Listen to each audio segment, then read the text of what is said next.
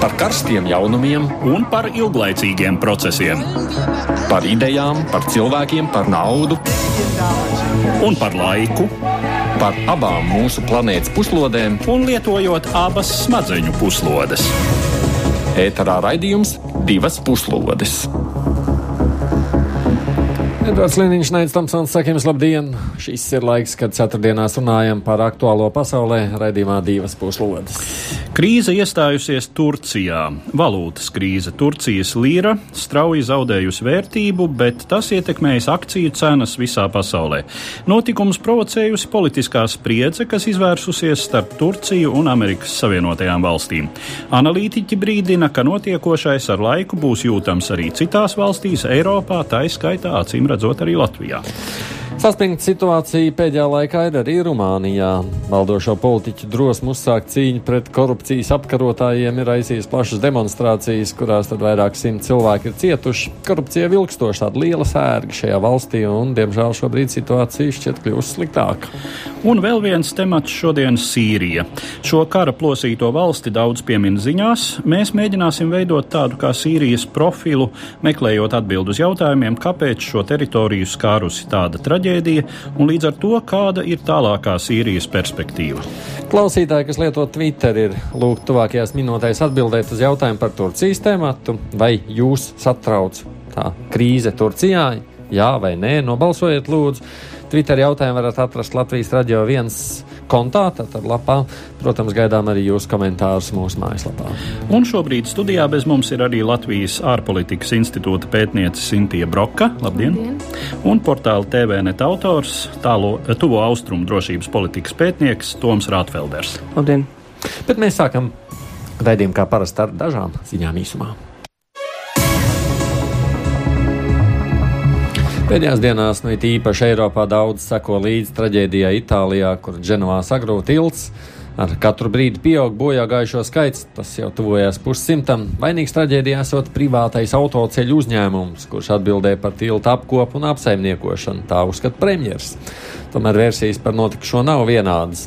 Izmeklētājiem būs jāatrod atbildes uz jautājumu, protams, arī kas darāms, lai līdzīgas nelaimes vairs neatkārtotos. Gan 340 auto nogāzās no 45 metru augstuma upes gultnē uz dzelzceļa sliedēm un divām noliktavām. Valdība uz gadu šajā reģionā ir izsludinājusi ārkārtas stāvokli, lai varētu piešķirt naudu no Nacionālā ārkārtas situācija fonda. Krievijas prezidents Vladimirs Putins sestdien ieradīsies Vācijā, lai tiktos ar Vācijas kancleri Angelu Merkeli. Tikšanās mērķis esot plānots pārnāt tātad notiekušo Sīrijā, Ukrainā un arī runāt par pretrunīgi vērtēto Nord Stream 2 projektu. Runa tātad par vēl vienu gāzes vadu paralēli jau esošiem Nord Stream, lai varētu palielināt Krievijas dabasgāzes piegādes vidus Eiropai, apējot līdzšanējās tranzīta valsts. Pret šo projektu aktīvi iebilst Ukraina, bet ne tikai. Merkele Putina uzņemšot Mēzebergas pilī, kas atrodas uz ziemeļiem no Berlīnes. Piecu valstu prezidenti, kur valsts ieskauja Kaspijas jūru, Svētdien, Kazahstānā parakstīja konvenciju par jūras tiesisko statusu. Pozīcijas saskaņošana sākās jau ļoti sen pēc Padomju Savienības sabrukuma un turpinājās 22 gadus. Atbilstoši konvencijai, jūras virsmu visas valsts izmantos kopīgi, Savukārt tās dibena un zīles kaimiņu valsts sadalīs savstarpēji vienojoties atbilstoši starptautisko tiesību normām. Kuģošana, zveja, zinātniskie pētījumi un maģistrālie cauruļvadu būvs varētu notikt tikai atbilstoši valstu savstarpēji saskaņotiem noteikumiem. Konvencijā norādīts, ka Kaspijas jūrā drīkst atrasties tikai tās piekrastes valstu bruņotie spēki. Nākamnedēļ Rīgā pirmo reizi tiksies Latvijas un Igaunijas valdības, lai diskutētu par abām kaimiņu valstīm nozīmīgiem jautājumiem. Kopīga valdības sēde notiks Latvijas Nacionālajā bibliotekā, atzīmējot Latvijas un Igaunijas valstu dibināšanas simtgadi. Darba sesijās, kuras vadīs gan Latvijas, gan Igaunijas premjeras, plānots ir apspriest jautājums, kas skar savstarpējo sadarbību. Runa būs gan par enerģētikas, transporta, infrastruktūras projektiem, gan digitāliem savienojumiem. Savukārt abu valstu iekšlietu ministri parakstīs līgumu par iedzīvotāju reģistra datu apmaiņu. Cita ziņa ir no otras kaimiņu valsts Lietuvas. Turienes valsts dzelzceļa vadītājs kopā ar polijas koncerna Orlēnu priekšnieku otrdien ieklāja simbolisku sliedi atjaunojumā dzelzceļa posmā starp Mažēķiem un Reņģi Latvijā. Sliedas tika izjauktas pirms desmit gadiem, gadiem radot tādas būtiskas problēmas arī Latvijas pusē. Nu, ir pieņemts lēmums sliežu ceļu atjaunot. Atjaunotais posms būs izdevīgs ne tikai Latvijai, bet arī Lietuvai un Polijai, tā saka pušu pārstāvji. Eiropas komisija sodīja Lietuvu par sliežu ceļu nojaukšanu un uzdeva valstī situāciju atrisināt. Tagad Lietuvas valdība ir apņēmusies līdz nākamā gada beigām posmu atjaunot. Nu, lūk, tādas ziņas par citām valstīm, bet nu, mēs turpinām par sākumā minētajiem tematiem plašāk un vispirms par Rumāniju un tur notiekošiem procesiem. Masu protesti Rumānijā pēdējos gados kļuvuši par teju vai ierastu parādību. 2005. gada rudenī protestētāju tūkstoši panāca ilgadējā sociāldemokrātu līdera Viktora Pontas vadītā koalīcijas kabineta atkāpšanos, un vairāk nekā gadu valsti vadīja bezparteiskā Dačana Čološa valdība. Pēc 2016. gada decembra parlamenta vēlēšanām pie varas atgriezās iepriekšējā politisko spēku kombinācija ar sociāldemokrātiem kā vadošo spēku un liberāļu un demokrātu aliansi kā mazāko koalīcijas partneri. 2017. gada janvārī, vien pāris nedēļas pēc jaunās premjera Sorina Grindjānu valdības apstiprināšanas, simtus tūkstošu plašus protestus izraisīja valdošo spēku mēģinājums amnestēt daudzus par korupciju notiesātos un dekriminalizēt vairākus ar korupciju saistītus nodarījumus. Mītiņi notika nevien Bukarestē, bet arī citās Rumānijas pilsētās un arī citviet Eiropā, kur dzīvo lielākas rumāņu kopienas. Kopš tā laika zināms skaits protestētāju Bukarestes Viktorijas laukumā pulcējās veik dienas, savukārt pie varas esošie nav atmetuši mēģinājumus izdabūt cauri antikorupcijas likumdošanas mīkstošās izmaiņas. Pašreizējo protestu vilni, kas uzbangoja 10. augustā, izraisījusi pirms mēneša notikusī Nacionālās antikorupcijas direktorāta ģenerālprokuroris Lauras Kodrucas Kovešī atstādināšana no amata. Es atgādinu, kopā mums ir arī Sintība Roka un Toms Rātfelders domājot jau faktiski par Rumāniju, mēs jau laikam gadu desmitiem runājam par korupciju un tām problēmām, kas tur ir saistītas ar visu to. Kāpēc tieši Rumānija ir nu, ļoti ievainojama no šīs korupcijas slimības? Kāds ir tas jūsu skaidrots, tas tāds īpašāks mantojums nekā citām valstīm? Es nezinu, manā uztverē eh, Rumānijas stāsts, kā jūs jau minējāt, nav nekas jauns. Tieši šajā kontekstā, ja mēs skatāmies uz bijušām postpadomju nu, padomju savienības valstīm vai arī padomju savienības satelītu valstīm, un, un korupcija, nu, tas ir tas aspekts, ar ko cīnās visas šī valsts vienkārši vienā vai otrā līmenī. Varbūt Rumānijas gadījumā tas izpaužas mazliet asāk, tāpēc, ka viņi tomēr ir Eiropas Savienībā un viņiem tomēr šis spiediens no Eiropas Savienības ir pietiekami spēcīgs, bet šis ātrums, kādā valdība ir spējīga mainīties, varbūt nav tik ātrs. Bet nu, mums taču ir bijuši nu, nu, postkomunistu valsts, mums ir daudz. Nu, beig beigās Čehija, Slovākijas, nezinu, Polija, nu, Latvija, arī Lietuva, Igaunija. Nu, Rumānija vienmēr tiek minēta tajā pašā augšgalā. Kāpēc tā? Nu, principā jau, kā jau kolēģi minēja, ka Rumānijā ir diezgan nu, sena vēsture, saucība sauc ar, ar, ar kaut vai to pašu Šaušesko diktatūru, tam līdzīgi, kas notika. Un, un, un principā, nu, Rumānijā arvien vairāk un vairāk, tā teikt, nu, parādās, tā teikt, mēģinājumi,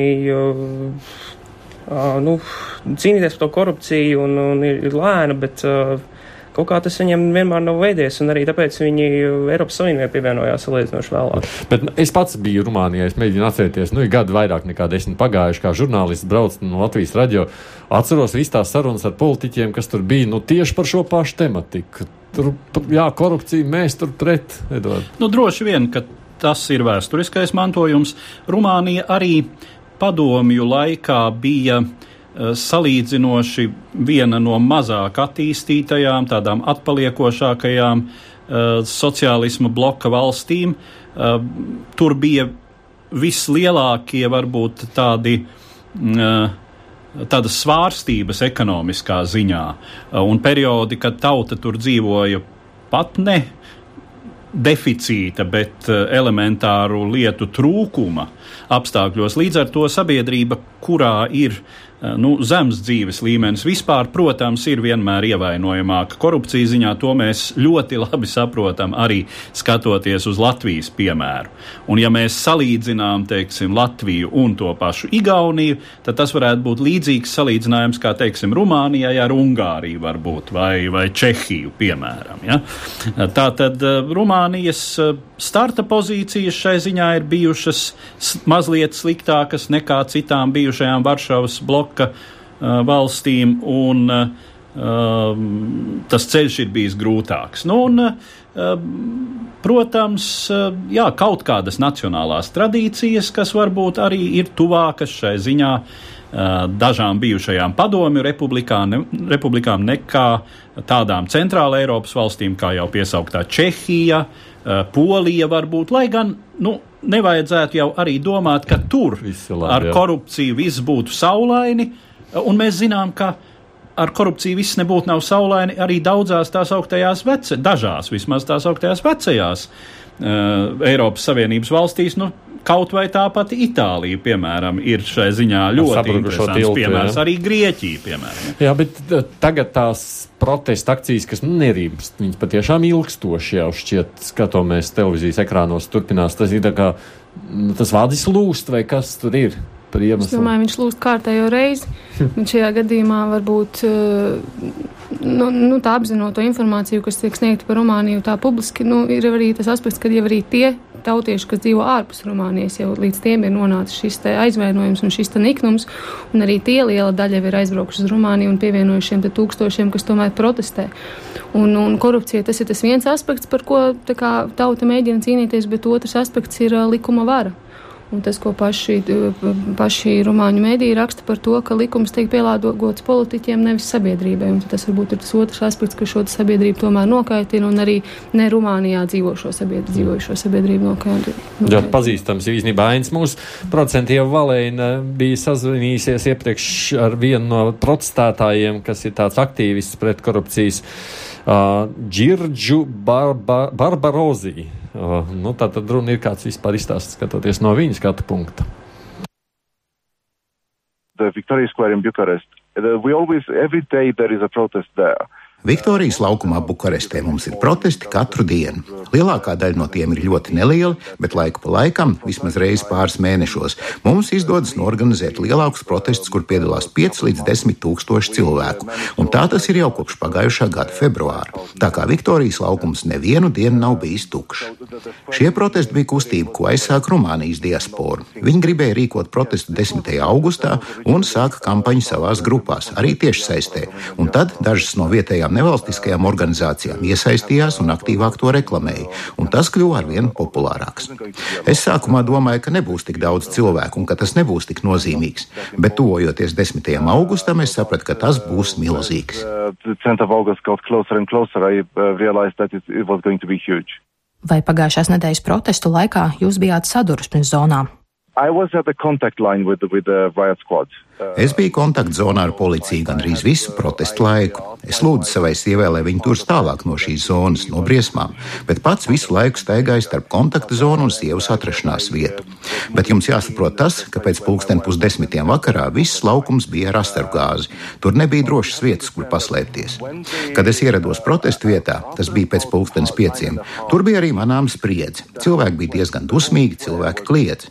Policija bija daudz pamatīgāk bruņot nekā citos protestos procesos, kur esmu piedalījies.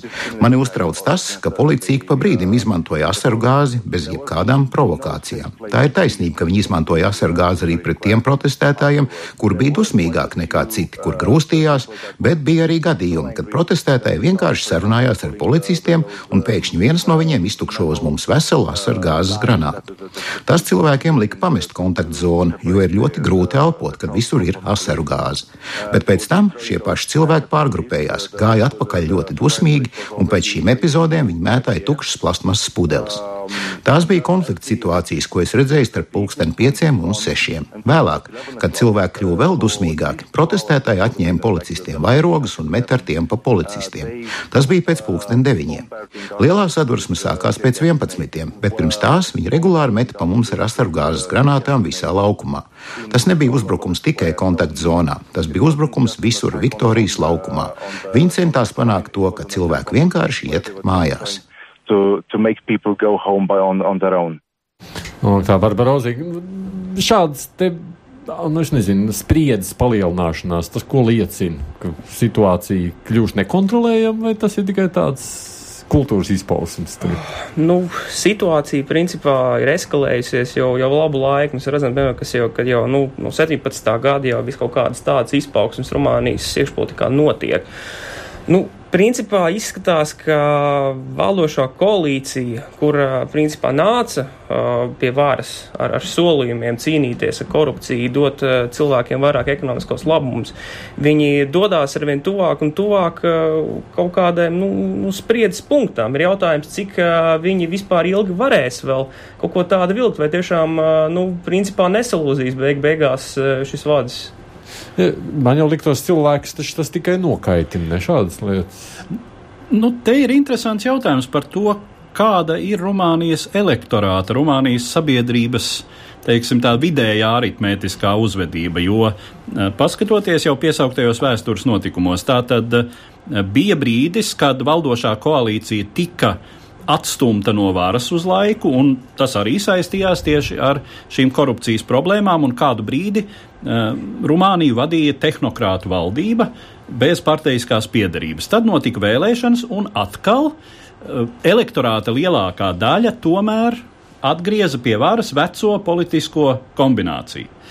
Uh, un, nu, man ir bez īpaši iedziļinātas izpratnes Rumānijas notikumos, bet izjūta ir tāda, ka šobrīd zināmā mērā tā plaisa iet starp sabiedrības inertāko daļu, kas ir lielākoties arī palikusi Rumānijā, un kas ir varbūt īpatnēji tieši Rumānijas notikumiem ļoti aktīvu šo diasporu, ļoti lielu skaitu. Tur ir runa par vairākiem miljoniem emigrējušu rumāņu, uh, kuri strādā Rietumē Eiropas valstīs. Un šobrīd, teiksim, tā nes tā arī tādā agresīvā formā atpakaļ uz savu dzimteni, priek, citus priekšstatus par citām iespējamām un prasāmām attiecībām sabiedrībā, prasību pēc pārmaiņām. Un tā ir, kā jau tas izskanēja, arī šai ekspresa intervijā šobrīd tā aktivizējošā sabiedrības daļa. Mm. Mums būs tūlīt vēl viena telefona saruna, kur varam noklausīties. Tas stāsts ir par šo te prokurori, nu jau jāsaka, laikam bijušo prokuroru Laura Kaveši, kā pareizāk būtu jāsauc. Ka, kaveši, Laura Kodruca Koveši. Koveši, jā, es rumāņu valodas akcentus nezinu. Nu, kas nozīmē, ka Uh, viņi, es, viņi atgādina mazliet to mūsu stāstu par jūtas strīķi, ka te nu, ļoti karoja. ļoti atgādina. mums, ir, mums ir tā palūkojoties uz šiem notikumiem citi mērogi. Bet, ja mēs atceramies Lietuvas sargu revolūciju, ja mēs atceramies visu situāciju ar Alekseju Loskutovu savā laikā, jā. un pēc tam ar jūtu strīķi, nu, milzums daudz paralēļu, es teiktu. Nu, paklausāmies, jā, mums tātad saruna manai kolēģei vēl bija, jā, Rumānijas pētniecisko žurnālistu Matei Borbolesku. Jā, es tur saklausu arī šajā sarunā tās paralēlas. Her uh, relationship with the ruling party so not good. Like, uh, Tās nav labas. Viņi ir mēģinājuši viņu portretēt kā slēptās varas līderi, kas sadarbojas ar slepenajiem dienestiem, lai notiesātu nevainīgus politiķus, kuri vēlas tikai labāko šai valstī. Visi tie parastie populistu pantiņi.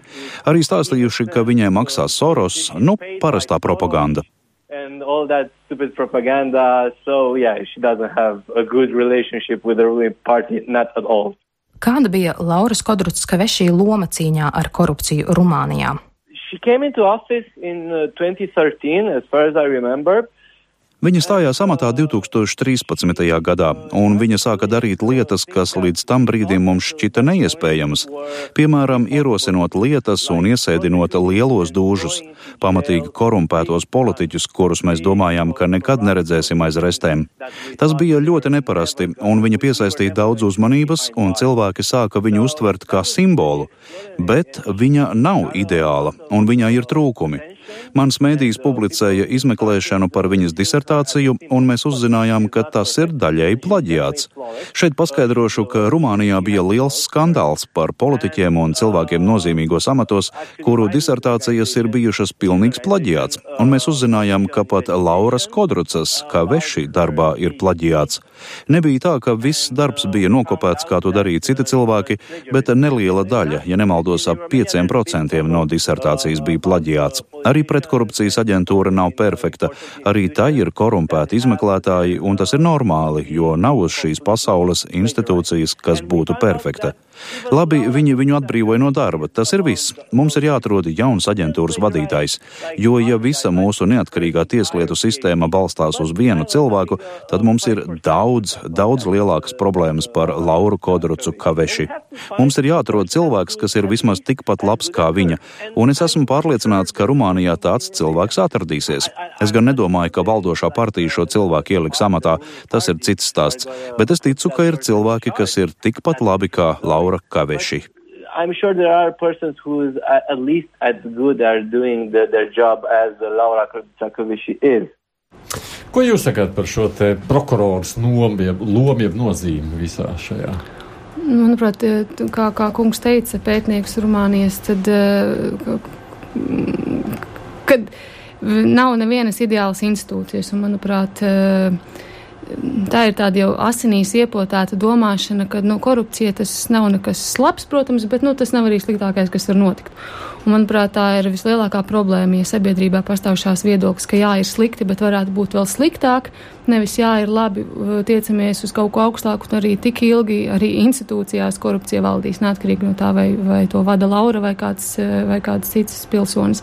Un, un, un tas, man liekas, ir fundamentāli svarīgi redzēt to, kā tāpat Latvija, varbūt Baltijas valsts ir spējušas augt un cīnīties ar to korupciju, tomēr mainīt šo domāšanu par to, ka um, dom, nevis domāt par sevi vispirms, bet domāt tomēr par sabiedrību vispirms. Un, un, un tad, ja pati sabiedrība šo domāšanu spēs mainīt, tad arī viņi ievēlēs gan valdību, attiecīgi, kas pārstāv šādas vērtības, gan arī institūciju vadītāji pārstāvēs šādas vērtības. Bet vēlreiz, kamēr, kamēr uh, viņi paši saka, ka uh, ir slikti, bet varētu būt vēl sliktāk, tas jau par kaut ko liecina Jā, un līmenī. Ļoti spilgti ir tad, ja uh, viens no argumentiem ir, jā, mums varbūt ir pašu zagļi, bet nedod Dievs, ka atnāks sliktais Soros, piemēram, vai mm. sliktā Eiropa sāks, vai sliktā Amerika sāks pārāk jaukties mūsu suverēnajās lietās. Uh, un eh, tā sacīt, iepērt mūs eh, visus par to, ka mums ir korup korupcija. Nu, eh, tas ir jautājums par domāšanu. Un, un jāsaka par Latviju, nu, neba mēs esam ļoti tālu aizgājuši, teiksim tā, no Rumānijas līdz Dānijai, eh, te nu ir liels jautājums, kam mēs tomēr jā. esam šai ziņā tuvāk. Protams, jā, jo vēl bieži vien eh, pašvaldībās varam dzirdēt atsevišķās eh, kurzemē par to, ka cilvēki saka, jā, mums ir, ir vadība, kas zoga, bet tomēr pasieties, cik mums viss ir skaisti. Jo šis jau tā kā liecina par to, ka faktiski nu, tātad vēlētājs jau pieņem to domu. Partija jau nevarētu atļauties šitādā veidā vai nerīkoties, ja viņi saka, ka vēlētājs jau atbalstīs mūsu cīņu pret pret prokurori, pieņemsim, šajā brīdī?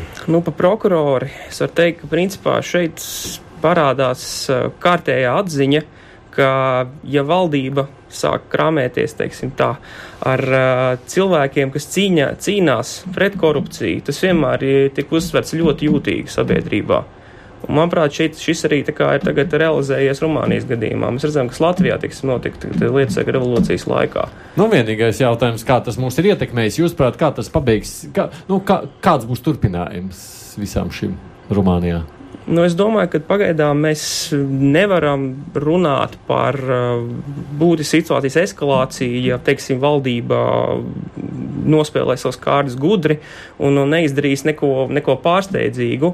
Bet nu, ir jautājums, cik ilgi tā situācija var vilkties. Kaut kādā brīdī tomēr būs, uh, manuprāt, jāizšķirās, kaut kādas vērā ņemam lielākas reformas būs jādara.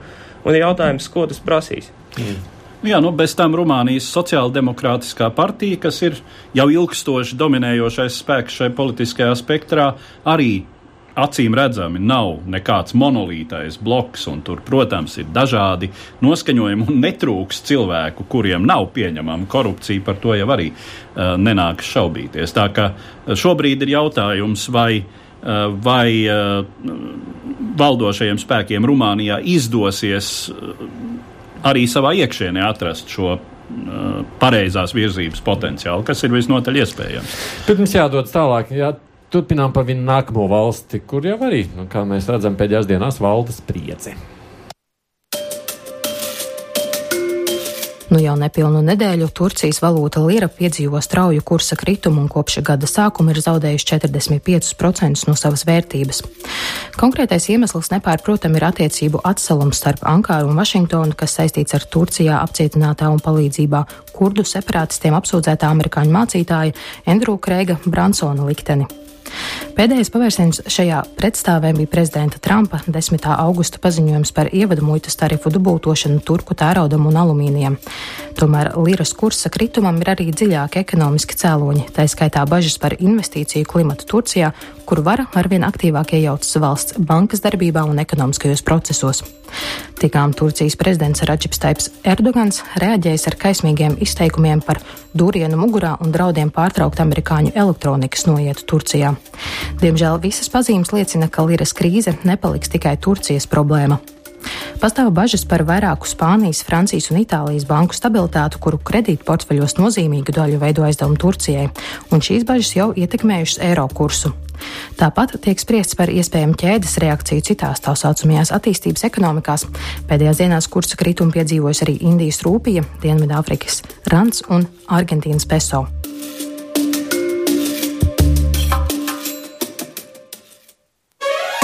Divas puslodes!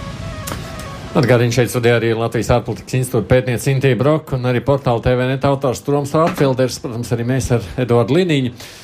Vai jums tas, kas notiek šobrīd Turcijā, šķiet kaut kas tāds tā kā likums sakarīgs, vai arī šī finanšu krīze tam ir kaut kas nezinu, negaidīts? Kā jums šķiet?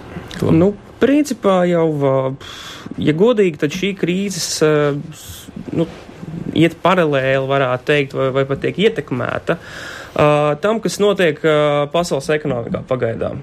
Uh, principā mēs varam sākt runāt par to, ka uh, ASV ekonomika, kur, un, un, kur principā veido lielāko dolāru, principā veido lielāko aizdevumu daļu Turcijas ekonomikā, viņi sāk atkopties lēnāk vai mazāk.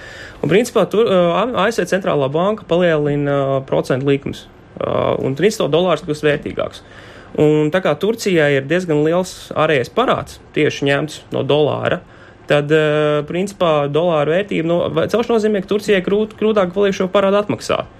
Un tas, protams, būtu viens no faktoriem. Nu, protams, vēl jāņem vērā arī, arī politiskie notikumi pēdējā laikā, kas notiek. Tieši kad uh, um, Trumpa America First uh, nostādījums uh, par, par uh, savu tautiešu aizsargāšanu Turcijā sadurs ar Erdogana, nu, Turcijas nacionālismu, un principā mēs jau varam runāt par šo divu lielo personību savstarpējo cīņu, būšanu aiz ragiem, tad kurš tad parādīs, kurš tā teikt ir lielāks, uh, nu, lielāks spēlētājs, uh, lielāka personība, tā teikt.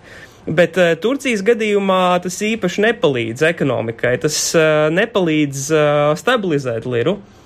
Un ir jautājums, man liekas, ka jautājums, kā tieši politiskie faktori ietekmēs pēc tam tālāk šīs valūtas svārstības, un, un, un ko mēs redzēsim, vai Erdogans beigās tomēr piekāpsies un nolaidīs savu retoriku nedaudz, vai arī tomēr uh, iespītēs. Nu, redz, mēs redzējām stāstā par Krieviju, Turcijai. Savulaik taču arī bija notriec lidmašīna, tur bija tāds uh, vai ne, un tad beigās jau kurš kāpās atpakaļ. Turcijas prezidents kāpās, jo viņam tas sāpīgi sita.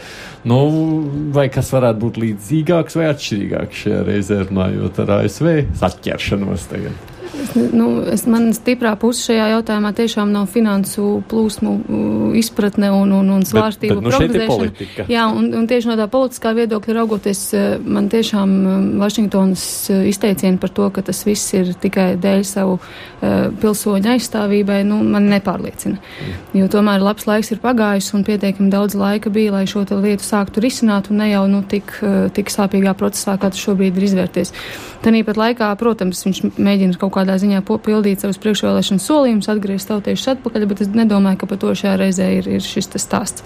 Uh, Es domāju, ka tomēr tas, tas ir lielā mērā politisks lēmums no Vašingtonas puses, un tas lielā mērā saistās ar to pašu Irānu, jo Turcija ir pateikusi, ka viņi tur, turpinās tomēr tirzniecību ar Irānu, kas, protams, Amerikai ir neizdevīga gan, gan Amerikas attiecībās ar Turciju, proti, ja Amerikas Savienotās valstis realizē visas sankcijas pret Irānu, gan arī plašākā kontekstā. Un, un, un, protams, Krievija, manuprāt, un Krievijas iesaistē Sīrijā un arī Krievijas sadarbība militārās jomās ar Turciju. Tas arī ir viens no aspektiem, kāpēc varbūt uh, Vašingtonas lēmums šobrīd ir tāds, kāds viņš ir.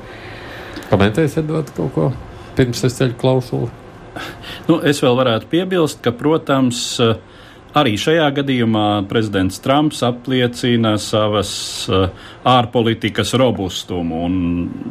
Ir skaidrs, ka nav īpaši aprēķinātas tās sekas, kas Turcijas ekonomiskas destabilizācijai varētu būt pirmkārt uz Eiropas Savienību. Nu, potenciāli tiek runāts, kā arī jau tas tika piesaukts par Pagaidām, nu kas viņam pat daļa, cik uz Eiropas Savienību, uz Ameriku? No, jā, tikai ņemsim vērā, ka Turcija ir otra spēcīgākā valsts militāri NATO blokā, un līdz šim ir bijusi, teiksim, NATO bloka drošākais balsts šajā reģionā. Mūsu dzird vienkārši šobrīd sevi ekonomists Dainis Gašpuits. Sveicināt, Daini! Jā, labdien. Ja no tā ekonomiskā viedokļa skatāmies, cik liela ietekme ir tādai Turcijas līrai pasaules ekonomikā un kāpēc vispār tas tik ļoti šobrīd satrauc šos tirgus dalībniekus citviet arī pasaulē? Nu, tas, ko no šī piemēra vajadzētu ņemt vērā arī, nu, teiksim, skatoties no Latvijas, ka investori globāli jau skatās valsts pa grupām, šajā gadījumā jau ne, varbūt liela daļa investoru neseko līdz tik daudz, kas notiktu tādā um, pas, pašā um, Turcijā, cik uh, skatījās arī, kā, kāds varētu ietekmēt līdzīgas valsts. Un attiecīgi arī tas atbalstojās, um, tas, ko mēs redzam attiecībā pret rubli, attiecībā pret arī die, Dienvidu Āfrikas randu. Uh, Argentīnas pesā un tā tālāk. Līdz ar to tas ir skaidrs arī tāds signāls par to, ka mainās arī šī monetārā politika, kas bija globāli ļoti stimulējuša un, attiecīgi, protams, arī investori skatās, ka varbūt ne, pelnīt nedaudz mazāk, bet parādās peļņi, ko var arī gūt uh, salīdzinoši drošāk, un līdz ar to arī viss šī valstu grupa nu, tiek uztvērta jau nedaudz ar tādu riska piegaršu. Un, protams, ka domāju, ka visi šie m, aspekti, kas tiek runāts, viņi jau bija zinām pietiekami ilgu laiku. Lira jau nu, atradās lejupslīdes fāzē jau nu, teiksim, vairākus gadus. Un, savukārt, nu, šobrīd tā pretstāva ar ASV nebija tas noteicošais faktors, cik tas, ka nu, parādījās, ka, ka Erdogans, prezidents, ir gatavs iet pretēji jebkādai loģikai un, un, un spēlēt šo populismu kārti, kas arī nu, radīja to izbīlu investoros, ka, respektīvi, ka, ka tas var nu, radīt tādu neprognozējumu sekas. Un tādēļ sākās parāda to. Tā teikt, zinām, šī panika, kas arī atbalstojās visās akciju tirgos.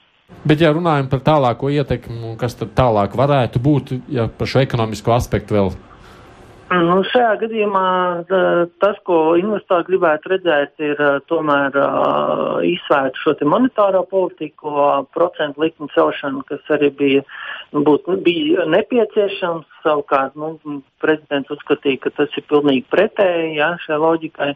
Un, protams, nāktos arī mazināt šo budžeta deficītu un, uh, attiecīgi, kopumā jau ekonomika ir salīdzinoši labā kondīcijā. Protams, viņi ir šobrīd uh, tādā pārkaršanas fāzē un nepieciešams piemērot šos, te, nu, teikt, uh, nedaudz desināšanas pasākums, lai, lai, lai nostabilizētu šos procesus. Un pagaidām es teiktu, ka uh, šis vilnis ir šobrīd, nu, mēs redzam, ka līri ir atgūsies un ka kopumā uz attīstītajām valstīm tas nav radījis uh, milzīgu ietekmi, respektīvi šī ietekme bijusi minimāla, bet katrā ziņā nu, arī es pieļauju, ka uh, tādas nu, tiksim, tālajošas sekas tas neradīs, bet katrā ziņā tas viss cikls, kā, kādā virzā šobrīd globālā ekonomika, liek būt uh, nu, teiksim, piesardzīgiem visā šiem strauji augošo valstu ekonomikām. Jā, ka, respektīvi, dolārs, jeb lēta nauda, kas ir tik brīvi aizņemta iepriekšējos gados, kļūst dārgāk un kas var radīt nu, teiksim, jautājums investoriem un, teiksim, aizdevējiem par, to, par šo valstu grupu spēju šos parādus apkalpot pie dārgākas naudas. Līdz ar to šis jautājums no, nedaudz no, nostabilizēsies, domāju, ilgākā laikā. Um, bet um, šie jautājumi no dienas kārtības kopumā nepazudīs.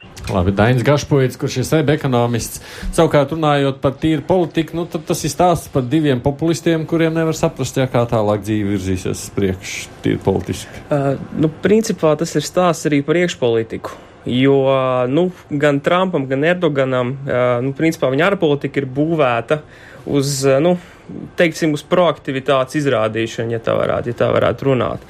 Un, uh, Bet, nu, kā sapratu no ekonomista, tādas muļķīgas proaktivitātes no ekonomiskā viedokļa šajā brīdī. Turcijas gadījumā varētu piekrist, jā. jā. Jo, nu, principā Erdogans ir uh, pagaidām ļoti sliktā pozīcijā, ja rēķina uh, pret Trumpu, jo, nu, viņš nav, Trumps nav tas, kurš sadurās ar problēmām. Problēmām sadurās Erdogans. Un, ja mēs salīdzinām uh, ASV un Turcijas ekonomiku, Turcijas ekonomika ir ievērojami mazāka, tā varētu teikt. Un, un, un, nu, Nu, ja es varētu izteikt tādu nelielu minējumu, man liekas, ka Erdoganam agrāk vai vēl būs kaut kas, kaut kādā veidā jāpiekāpjas. Tomēr arī jākāpjas atpakaļ līdzīgi. Nedaudz, nedaudz, jā. Nu, bet, protams, jautājums, kā viņš to izdarīs, jo tas noteikti viņam nebūs viegli. Jo kaut arī tas pats, ka, nu, principā viens no Erdogana priekšvēlēšana, nu, teikt, mārketinga pilāriem, ja tā varētu teikt, uh, bija tieši tas, ka viņš ir spējis uh, ievērojamu izaugsmu Turcijas ekonomikā panākt. Un, principā, ja tagad viņš nu, atzīst, ka mums ir problēmas, ka tomēr iepriekšējais kurs, ko, ko, ko Turcija veids, nav, nav tik labs, tad uh, tas arī tomēr elektorātam kaut kādu uh, iespēju. Nē, nē, ir skaidrs, ka viņš jau pats nebūs vainīgs. Vainīgi būs amerikāņi un visi citi. Tikai jautājums, kādā veidā iziet no tās situācijas ārā. Kāds ir prognozes par tālāko? Tīri politiskā nozīmē, Manuprāt, ekonomiski mēs dzirdējām. Tīri atkāpjoties varbūt vēl, vēl pie tā aspekta, kurš tad sadursies pirmais Trumps vai Erdogans, nu, es varu piekrist tam, ka noteikti Erdogans būs tas, kurš, kurš eh, sāpīgāku pērienu dabūs, bet arī pat laikā arī runājot par eh, Trumpa attieksmi pret sabiedrotajiem kopumā ja, ja, ja attiecību bendēšana ar Turciju Eiropas Savienības viedokļa vērā neņemšana viņam nevar kaitēt īslaicīgi, tad es domāju, šī viņa pozīcija, kā viņš ir nesen iesācis vērsties tieši pret saviem tuvākajiem sabiedrotiem ilgtermiņā, tomēr varēs atstāt iespēju gan uz viņa uh, ticamību, gan, gan uz dažādiem citiem aspektiem. Vispār jau interesanti, ka beigās ASV galvenais sabiedrotais Ziemeļkoreja un es, ne, kas vēl varētu būt. ne, nu, tas nu būtu ārkārtīgi pārspīlēts teikt, pārspīlēti teikts, ka Ziemeļkoreja. Nu, viņiem viņš vienīgais vēl labus vārdus pagaidām. Nē, nu tas, tas, ka viņš saka, jā, ka ar Krieviju viņam ir viegli runāties ar Puķinu un tā tālāk, eh, bet, eh, nu jā, tā ir, tā ir forma. Pēc būtības, skatoties uz šo jautājumu, eh, Donalds Trumps, lai cik viņš varētu būt efektīvs, savās izpausmēs, šīs izpausmes būtiski tomēr nekalpo uh, kā varas leģitimācijas mehānisms. Un te ir runa, runa par demokrātijas briedumu. Tomēr Amerikas demokrātija ir fundamentāli citā kvalitātē nekā tā ir Turcijā, kur tiešām prezidenta uh, šie, nu, teiksim, uh, savas vīrestības, politiskās vīrestības ja, apliecinājumi var kalpot kā viņa varas leģitimācijas instruments daudz lielākā mērā. Jā, piebilst tikai pabeidzot šo tēmu, mēs arī prasījām mūsu klausītājiem, viņus uztrauc tā Turcijas liras straujais kritiens, nu kāds izskatās no Latvijas viedokļa. Nu, mums puses pusi apmēram. 57% saka, ka viņus tas neuztrauc no tiem 60 balsotājiem, kas Twitterī tagad šajās uh, minūtēs ir balsojuši. Nu, Antālijas kurorti kļūs turistiem krietni lētāk. Jā, vismaz šobrīd būtu izdevīgi aizbraukt uz Turciju. Bet mums ir vēl viens temats, kam tātad gribam vēl vienu valsts veltīt daļu no šīs dienas raidlaika. Tātad valsts, par kur vispār daudz jau ir runāts un kur arī ļoti ietekmē blakus esošā Turcija. Tā tad ir Sīrija un vispirms tāds ievads, jeb kopskats tematam. Sīrija ir valsts ar raibu iedzīvotāju sastāvu. Lielākā etniski reliģiskā grupa ir islāmticīgie arābi sunīti, kur apdzīvo pamatā plašos Sīrijas iekšzemes apgabalus. Attīstītākajās vidusjūras piekrastes teritorijās dominē šīītu virzienu musulmaņi, alavīti un ismailīti. Plašas teritorijas Sīrijas ziemeļos apdzīvo kurdi, tāpat ir liela turku izcelsmes minoritāte, ievērojama kristiešu kopiena un liels skaits mazāku etnisku un reliģisku grupu. Jau 1946. gadā, kad Sīrija no Francijas mandāta teritorijas kļuva par neatkarīgu valsti, bija skaidrs, ka vienotas un vēl jau vairāk demokrātiskas nācijas veidošanās būs ļoti apgrūtināta. Toties šī bija auglīga vide dažādām radikāla nacionālisma, sociālisma un reliģiska fundamentālisma ievirzēm. Politiskā nestabilitāte un pastāvīga militārā pretstāva ar Izraelu noteica armijas būtisku ietekmi, un militāri apvērsumi pirmajā Sīrijas valsts pastāvēšanas desmitgadēs kļuva par regulāru varas maiņas instrumentu. 1963. gadā kārtējā apvērsumā pie varas nostiprinājās Arābu Socialistiskā atzimšanas partija, bieži saukta Bās atzimšana. Kā jau liecina nosaukums, partijas ideoloģijas stūrakmeņi ir arābu nacionālisms un sociālisms. 60. gados notika vēl vairākas varas pārdalīšanas Bās režīma ietvaros, līdz 1970. gadā varas virsotnē nostiprinājās aviācijas ģenerālis Hafes Asats. Par viņa varas balstiem kļuva politikas nomenklatūra un drošības struktūras, kurās dominēja alavītu kopienas pārstāvi, pie kuriem piederēja arī pats prezidents. Tika veidots arī izteikts vadoņu kults. Pamatos gan saglabājās Sīrijas sociālistiskā orientācija un attiecīgi arvien ciešāka saites ar Padomu Savienību, Sīrijai kļūstot par PSRS strateģisko partneri reģionā. Asats vecākais ar stingru roku vadīja Sīriju līdz savai nāvei 2000. gadā. Par viņas varas mantinieku bija paredzēts kļūt vecākajam dēlam, pulkvedim Basilam Asadam, kurš 1994. gadā gāja bojā autoavārijā, un tā nu valsts priekšgalā pēc tēva nāves stājās mediķa izglītību iegūšais jaunākais dēls Bašars. Sākotnēji jaunais prezidents centās īstenot zināmu liberalizāciju, taču līdz ar to izpaudās dzelženā autoritārisma līdz tam slāpētā sabiedrības vairākuma neapmierinātība ar bāzes nomenklatūras un alavītu minoritātes dominējošo lomu. Situāciju vēl vairāk sarežģīja neražas no 2006. līdz 2010. gadam, kas burtiski sagrāva Sīrijas lauksaimniecību, pārvēršot vairāk nekā miljonu laucinieku pilsētu nomaļu trūkumcietējos. 2011. gadā pāri reģionām veļoties arābu pavasara revolūciju vilnim, arī Sīrijā uzliesmoja plaši nemieri. Varas zaudēšana līdzinējai nomenklatūrai varēja maksāt pārāk dārgi, un revolūcija pārauga nežēlīgā pilsoņu karā, kas ar laiku kļuva par visu cīņu pret visiem ar kaimiņu valstu pasaules lielvaru un starptautisko teroristisko organizāciju piedalīšanos.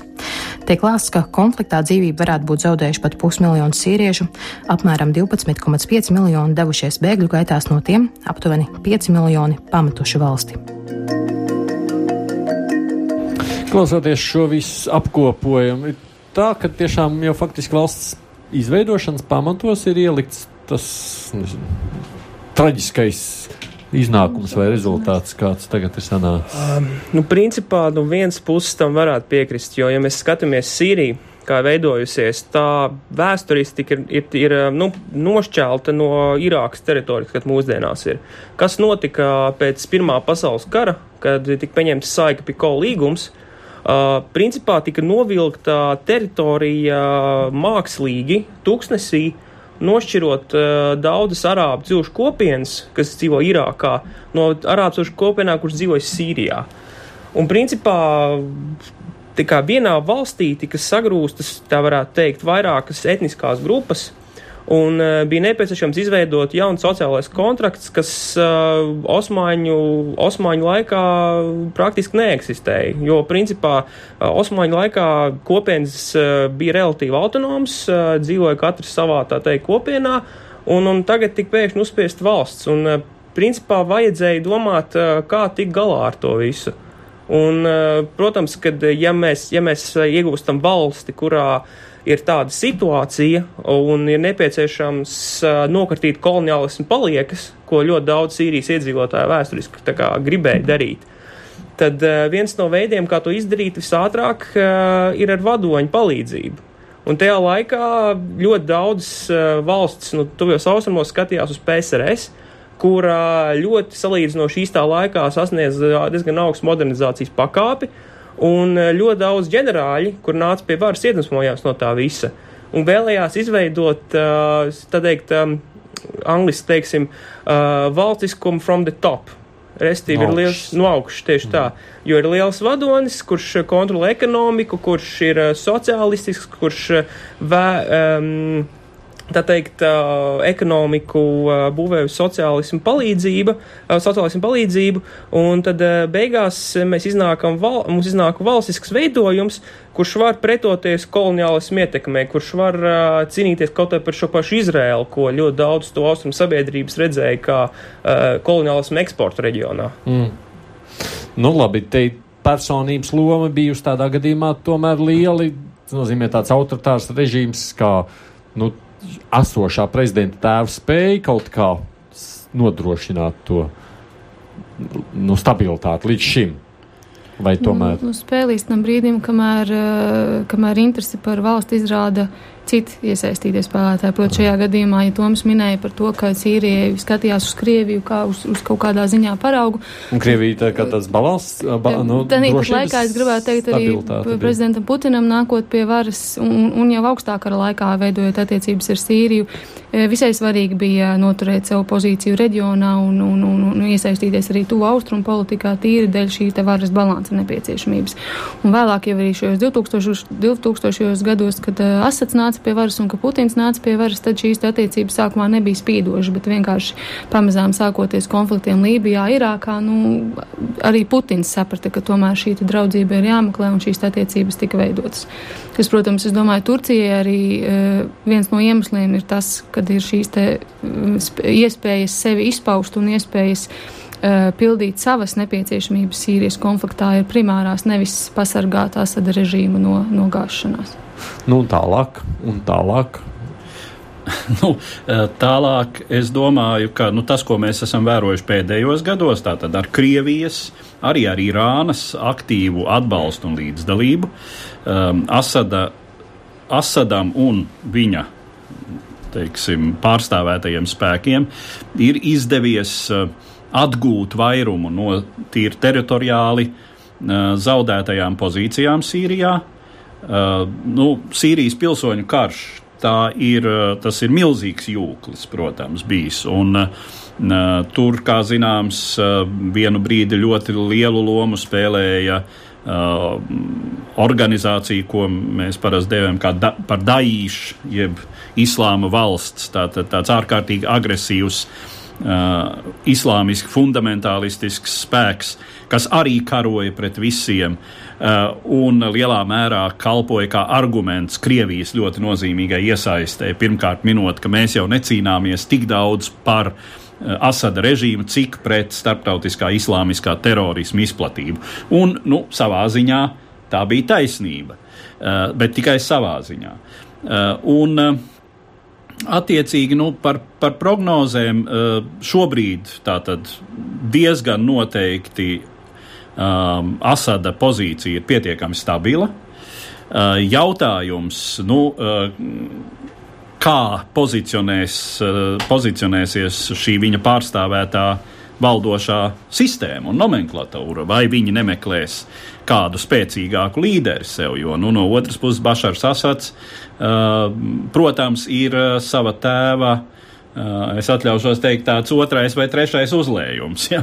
Eh, stipri, stipri vājāks līderis. Bet, bet nu, katrā ziņā, teiksim tā, bažas par to, ka Asada ģimenei un līdz ar viņiem lielai daļai no valdošās nomenklatūras, iespējams pat varbūt alavītu kopienai draudētu izraidīšanu no Sīrijas. Nu, tas moments tā kā ir pārdzīvots veiksmīgi, tā nenotiks. Jautājums ir, kas notiks ar salīdzinoši joprojām ļoti spēcīgajiem kurdu spēkiem, kas kontrolē lielu daļu Sīrijas ziemeļu un austrumu teritoriju. Um,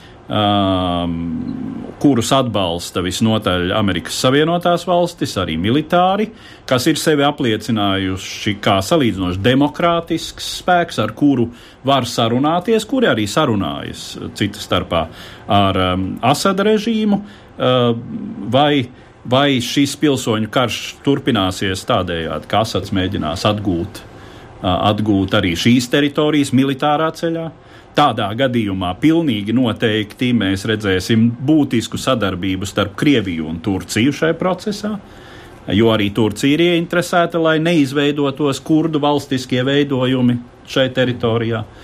Nu, tā, kā, nu, jā. tā kā gana daudz vēl interesanta. Tu, Piedodiet par šo izteicienu, mēs dzirdēsim. Tā valsts paliks kā viena valsts, tavuprāt? Uh, es domāju, ka šajā brīdī mēs jau varam teikt, ka jā, jo, ja mēs skatāmies, tad uh, pilsoņu karš praktiski Asadam ir uzvarēts un uh, pieminēts jau arī kurdi jautājums. Tagad mēs redzam, ka Sīrijas demokrātiskie spēki, principā šī koalīcija, ko atbalsta amerikāņi, kurā ietilps gan kurdi, gan, gan asīrieši, turkmēņi, citas etniskās kopienas, kas dzīvo Sīrijas ziemeļos, viņi sākuši veidot ar Asadu dialogu. Nesen bija delegācija Damaskā, šiem Sīrijas demokrātiskiem spēkiem, lai izveidotu um, pārejas dokumentu Sīrijas decentralizācijai. Tad, principā, mēs varam teikt, ka jau šie paši kurdu grupējumi saprot, nu, ka Asadu vairs no Sīrijas pozīcijām neizdabūs ārā. Un, principā, mums ir jāveido jau kaut kāds, um, kaut kāds plāns, kaut kāda, kaut kāda iecerē, vīzija jau Sīrijas nākotnē. Un, um, un tāpēc es domāju, ka, um, jā, protams, mēs varēsim uh, redzēt Sīriju kā vienotu valsti, taču ir jautājums, vai tā būs tik centralizēta valsts. Nu jā, kā viņa bija. Citādāk jā. nekā uzbūvēta tās pārējo valstu intereses tajā visā stāstā. Pārējo valstu intereses, es domāju, ka es piekrītu tam, ka noteikti, ka, uh, kad Sīrija kā teritoriāla valsts tur saglabāsies, bet noteikti ne tā pati Krievija, ne pārējie uh, sabiedrotie ir, ir uh, laimīgi par to, kādā veidā šī uzvara, ja mēs to varam saukt, ir tikusi panākt. Mēs ļoti labi zinām par ķīmisko ieroču izmantošanu un daudziem citiem stāstiem, ko, ko, sabi, ko pasaules, domāju, ļoti ilgi vēl neaizmirsīs. Bet vēl viens ļoti būtisks aspekts, manuprāt, ir par ko rietumu sabiedrībai ir jādomā, un arī varbūt reģionālajām valstīm ir jādomā, ir jādomā par tiem sīriešiem, par to sīriešu integrāciju, kas tiešām par tiem pieciem miljoniem, kas šo valsti ir pametuši. Jo viņi veido ļoti liels diasporas visā pasaulē, un, un, un, un viņu cilvēktiesības ir bijušas tik ļoti pārkāptas, ka nu, mums ir gan iesaistītajiem karā, gan arī rietumu sabiedrības pienākums primāri parūpēties par šo cilvēku. Sintība Roka ir Latvijas ārpolitikas institūta pētniece, savukārt to austrumu politikas pētnieks ir Toms Rātfelders. Paldies jums, ka atnācāt šeit arī. Protams, Latvijas raidījuma žurnālists Edvards Liniņš un mūsu producents Ieva Valēna. Studijā šeit bija arī Esaits Tomsons. Saku paldies visiem uz sadzirdēšanos atkal nākamreiz, kad lūkosim, kas atkal ir noticis šajās mūsu zemeslodes abās puslodēs.